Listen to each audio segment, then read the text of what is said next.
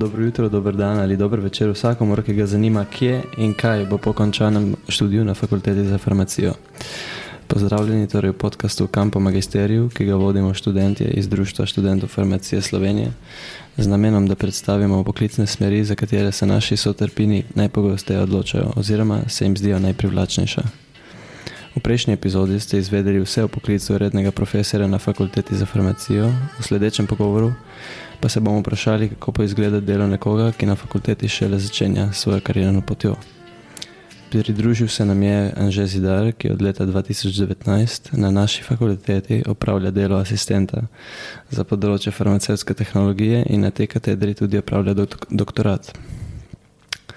Pred zaključkom magisterskega študija je bil zelo aktiven v Društvu študentov farmacije in študentskem svetu fakultete za farmacijo ter z odliko opravljal študijske obveznosti.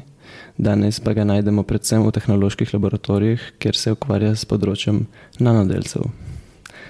Mogoče začetno vprašanje. Standard. Um, zakaj ste se odločili za študij farmacije? Hmm, dobro vprašanje. Zdaj, um, že od nekdaj sem imel zelo rad kemijo, pa biologijo, pa tudi fiziko. In uh, potem sem se odločil, med katerimi smermi bi šel študirati. In to je bilo. Potem ni mi bilo zelo všeč take zelo basic stvari, kot je fizika, zelo, tisto, zelo, zelo znanstveno. Mi je bilo bolj aplikativno všeč, tako da sem se odločil med kemijo, strojništvom in farmacijo. Um, mislim, medicina je bila tudi nekje v zadnji, tako da bi lahko študiral, ampak uh, na medicini nisem uh, toliko prenesel teh. Um, Ko se gleda odprte zlone in take stvari, kot je potem naslednja stvar je bila farmacija, ki je malo bolj lušna zadeva, se bolj ukvarjamo z um, kako pozdraviti pacijenta. Uh, sicer nismo tako v stiku potem s pacijenti, kar mi tudi vse v redu, ampak um, to je bila ena taka uh, res, ki je združevala vse moje, um, kako bi rekel, vse, kar sem si želel, uh, kar bi delal, pa tudi uh, zelo je tako raziskovalno naravnana pri nas imamo zelo velike uh, podjetja, tako da ni v bistvu samo delo v lekarni v Sloveniji, ampak je tudi uh, sama industrija, kjer lahko tudi kaj razvijamo. Mhm. Zanimivo. zanimivo. Um, potem me zanima, kako poteka poprečen dan, če, če lahko sploh definiraš poprečen dan. Ja, torej poprečnega dneva pri meni ni. Um, to je zelo odvisno od dneva do dneva. Ali so vaje za študente, ali ni vaje za študente. Recimo danes, danes zjutraj sem delal raziskovalno v laboratoriju, um, potem zdaj sem prišel sem na fakulteto, uh, delal sem prej na Iliri, prišel sem zdaj na fakulteto, uh, še par administrativnih stvari rešim in potem ob pol oziroma ob treh pa imam vaje za študente. Um, tako da to je recimo danes res vse, kar jaz preveč manj delam na fakulteti. Drugače pa čisto odvisno, ali imam vaje tisti dan, če imam vaje, potem se več ali manj pripravljam na vaje, pa imam tiste vaje. Um, če pa nimam vaj, pa ponovadi raziskovalno delo ali pa zdaj v tem zadnjem obdobju zelo veliko pišem članke, tako da to je kar dosti dela s tem. Uh, in potem, da malo razbiješ to monotonost, s pisanjem člankov greš malo v laboratorij, kaj, kaj nares, kar ti še manjka za članek. Mhm. -huh. Spravi priprave na, na ja. doktorsko. Ja, tako je. Ja. Zdaj treba zaključiti to, uh mhm. -huh. potem pa bomo malo mal bolj naprej, ne bo več tazga pritiska. no. Um, spravi, verjetno tvoj cilj je, da postaneš profesor na katedri. Hmm, to je dobro vprašanje. uh, v bistvu še ne vem. Mhm. Ne vem še, kako bom nadaljeval kariero, ali bom ostal na fakulteti ali ne. Uh, zdaj, trenutno sem zaposlen za nedoločen čas kot asistent, kar je že dobra pot, da postaneš potem profesor. Um, zdaj, vajem je zelo, zelo fajn imeti, medtem ko predavanja pa ne vem, ne vem, kako bo to šlo. Um, ker tam je samo profesor govori, pa ni no, nek, neke interakcije s študenti, razen če narediš tako, da je, ampak to je kar težko, po mojih izkušnjah. Um, tako da bomo videli, kam je pot zanese naprej. Mhm. Spravi o osebnostih, lastnostih, ki bi jih morda um, si, si mislil, da so potrebne no, za, za tak poklic. Uh. Uh -huh. Torej, kot asistent, rabiš biti potrpežljiv študenti. to je zelo, zelo pomembna lastnost. Uh, potem moraš vedeti, kako podati, nek, oziroma kako predstaviti neko znanje študentom, da ga bojo oni razumeli. To pomeni, da moraš videti, kje ima študent osnove in potem se prilagoditi njegovim osnovam, da potem na tem lahko gradiš. Um, potem kaj še? Aha, recimo javnega nastopanja te ne sme biti strah, ker pač vsak dan imaš 20 eh, študentov pred sabo in eh, študenti takoj vidijo, če te je strah. Uh, in to pač ne gre, ker potem nimaš nobenega reda v, v laboratoriju. Um, kaj je še tazga?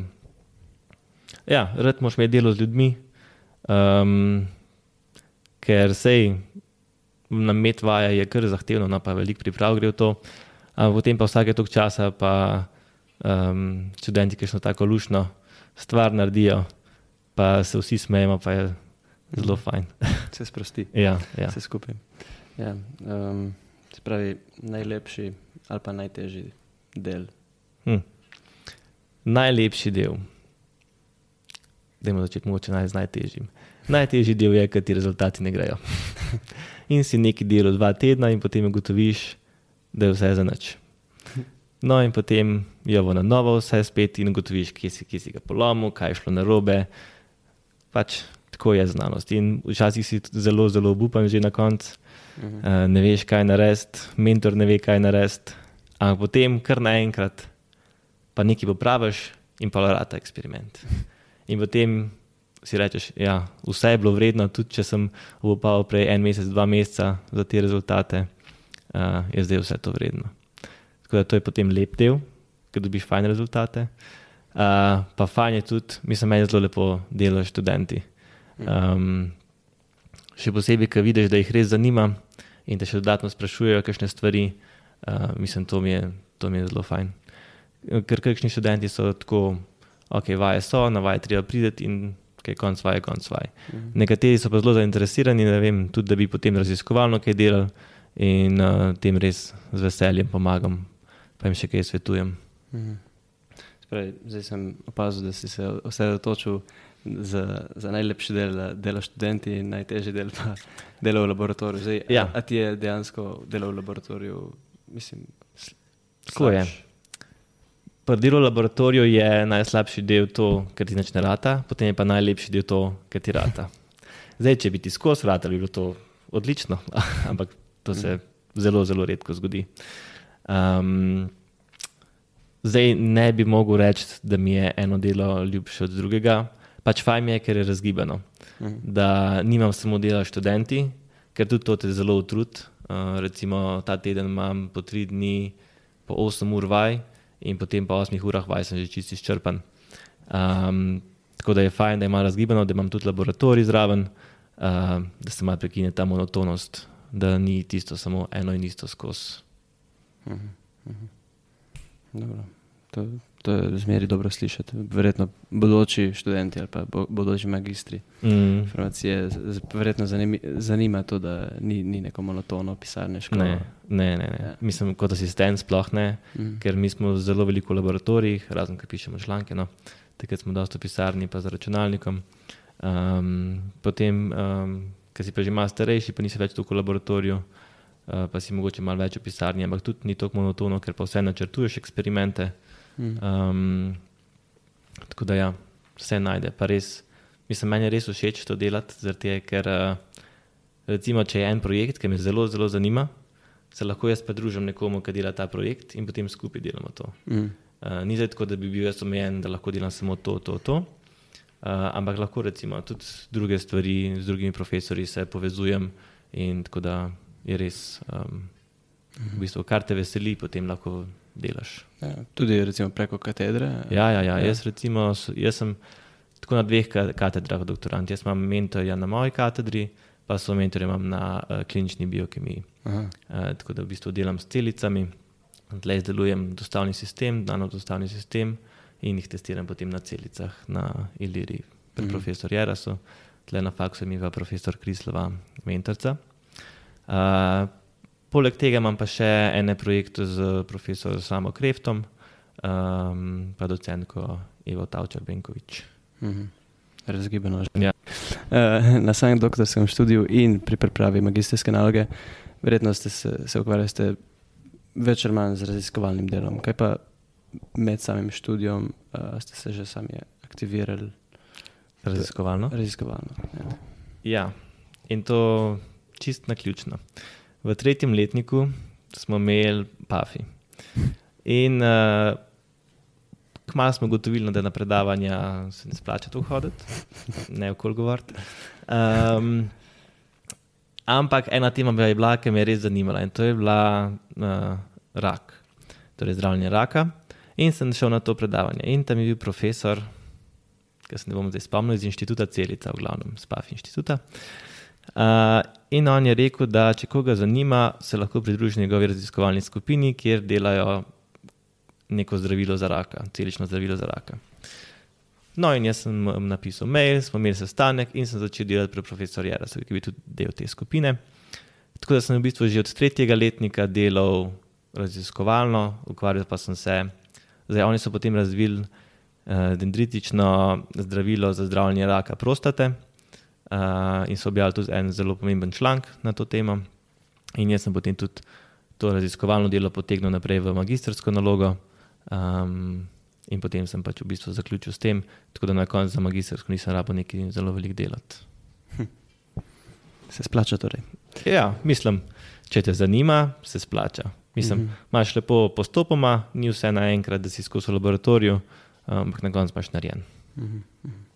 Ampak to verjetno pride v nekoliko višjih letnik. Ne? Ja. Upoštev. V prvem, ja. drugem. V prvem, drugem, mogoče še ne, ja. potem tretji, četrti, uh -huh. um, pa potem zadnji letnik, oziroma absolventi, tako jaz delam za magistrsko že. Uh -huh. In uh, ste se preko te, tega PAFI projekta se um, odločili za svojo katedro? Mm, Mislim, delili? Mhm. Ker to je bila v bistvu druga katedra, to je bila katedra za klinično biokemijo. Um, zdaj, kako sem prišel na to katedro, je dobro vprašanje. Um, jaz sem izrazil željo, da bi pač še delal na faksu kot uh, torej doktorat. Uh, in sem se pogovarjal s parimi profesori, in ti profesori so bili zainteresirani, da meni to omogočijo. In so se med sabo malo pogovarjali na različnih katedrah, in so ugotovili, da je na katedri za farmacijsko tehnologijo pač mesto. Ker na kliničnih biokemiji ni bilo mesta, uh, tja nisem mogel iti, zdaj na faks lahko priješ delati kot MR, torej mladi raziskovalec, raziskovalec ali pa asistent. To so tri delovna mesta, na katerih lahko začneš na faksu. Mladi raziskovalec je, če ima en profesor projekt od RRS-ja uh, in potem ga lahko zaposli na tem projektu. Raziskovalec je, da si zaposlen uh, na pač nekem projektu, ni nujno, da si za vsa štiri leta, lahko si samo za eno, dve. Uh, potem pa si še asistent, ki si v bistvu pedagoško zaposlen, torej imaš zelo velik vaj in si potem tudi uh, plačen iz tega naslova. No, in na naši kateri za farmacijsko tehnologijo je bilo glih eno odprto mesto za polovičko asistenta, pa polovičko raziskovalca. Uh, no, in potem sem se pač jaz rekel, ok, um, tehnologija mi je bila zanimiva je tudi malo združuje, združuje se recimo z, z fiziko, ki mi je bila tudi zelo všeč vedno. Uh, tako da sem rekel, dobro, mislim, to mi je všeč. Pa tudi recimo doktorat lahko delam na različnih katedrah skupaj. Uh, tako da sem rekel, to mi je idealno, da nimam samo tehnologije, čista tehnologija, ampak da imam malo mešano. Tako da potem sem uh, pristal na tehnologiji, uh, pa mi je bilo kar všeč, pa tudi vaje so mi fajn. Uh, tako da se je kar dobro šlo lepo slišati. Um, za, za eno izmed zadnjih vprašanj, pa mogoče, mogoče osebno, mogoče uh mhm. -huh. ne, ampak ste razmišljali o drugi karjerni poti? Mislim, to je bilo nakazano že prej. Ja, ja, sem. Mislim, da v Sloveniji imaš še nekaj opcij. Uh, lahko greš delati v lekarno, lahko delaš, greš delati v predstavništva za farmacijske firme, za farmacijsko industrijo ali pa na faksu. Ali pa v javne ustanove, kot je JAZMP in tako naprej. Uh, zdaj, jaz sem kot študent delal na JAZMP-ju, uh, torej Javna agencija za zdravila in medicinske pripomočke Republike Slovenije, um, kjer sem delal administrativna dela, uh, malo sem jim tudi pomagal za registracijo zdravil in tako naprej. In sem hitro gotovo, da mi to pač ni všeč, ker je zelo monotono delo. Uh, tako da to sem vedel, da ne bi rad delal, torej regulativa ne. Um, industrija, industrija je bila moja izbira, če uh, ne bi imel možnosti za doktorat. Um, pač že od nekdaj sem bil zelo, zelo um, radoveden in um, mi je to raziskovalno delo dalo nekaj tasga, kar mi je res všeč. Pač. Uh, tako da, ker sem dobil doktorat, sem se pač odločil, da bom šel raje na fakulteto. Če pa ne, bi bila pa pač industrija uh, ta druga opcija. Uh, v lekarni mi je bilo sicer zelo fajn delati, delal sem v domžalah, uh, ampak um, ko se enkrat naučiš te stvari, pa že obvladaš to delo, se mi zdi tudi postane tako um, um, zelo ponavljajoče. Sicer imaš izzive s strankami in tako, uh, ampak uh, to, to ni delo za me. Um, tako da v prihodnosti pa ne vem, raziskovalno, mogoče v industriji, mogoče na fakulteti, mogoče v tujini, bomo videli. Pot je odprta. uh, pravi, zdaj pa še zadnje vprašanje. Sveti, mogoče za študente. Imate kaj, kar niste slišali v študentskih letih, pa bi vam prišlo prav, hmm. ali pa na svet. Hmm. Definitivno svetujemo vsem študentom, da sodelujejo v družbenih aktivnostih. Uh, to se mogoče sliši zelo uh, kot promocija, ampak uh, v družbi se veliko, veliko, veliko naučiš. Uh, na faksu dobiš, tako se reče, temu hard knowledge v družbi pa dobiš soft skills. In te soft skills, uh, torej mehke veščine po slovensko, uh, te rabeš kamorkoli greš delati. In to so prenosljive veščine, ki v bistvu ti pomagajo pri delu z ljudmi, vodenje projektov, kako se organizira čas in to vedno prav pride. Tako da to je res en tak nasvet. Če je bil en nasvet, ki ga moram dati na faksu, je to ta nasvet. Um, poleg tega pač te naredite faks.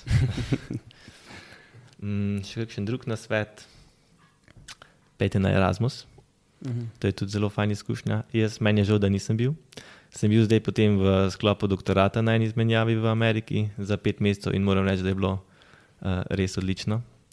Tako da pejte na Erasmus, uh, izkoristite vse, vse možnosti, ki jih imate, uh, ker tako se spoznaš zelo, zelo zanimive ljudi, uh, vidite nove kulture. Um, kaj se tudi naučite, verjetno na Erasmusu, zdaj odvisno, kam greste. Um, ampak ja, to je drugi na svet. Tretji na svet. Ocene niso čisto vse. Mhm. So malo pomembne, glih to, da niste najslabši. Uh, ampak načelno potem, ko dobite službo, nekje noben ne gleda, pa noben vas ne vpraša za ocene. Um, res je važno, da tisto kar pokažete, da tisto impresionira vaše delodajalce. Um, tako da ne se preveč sekirate, če greš mm. na sedemka, pa osemka. Spravi soft skills. Ja, definitivno. Dobro.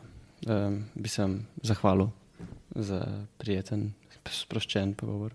In uh, ja, upam, da se še kdaj slišimo.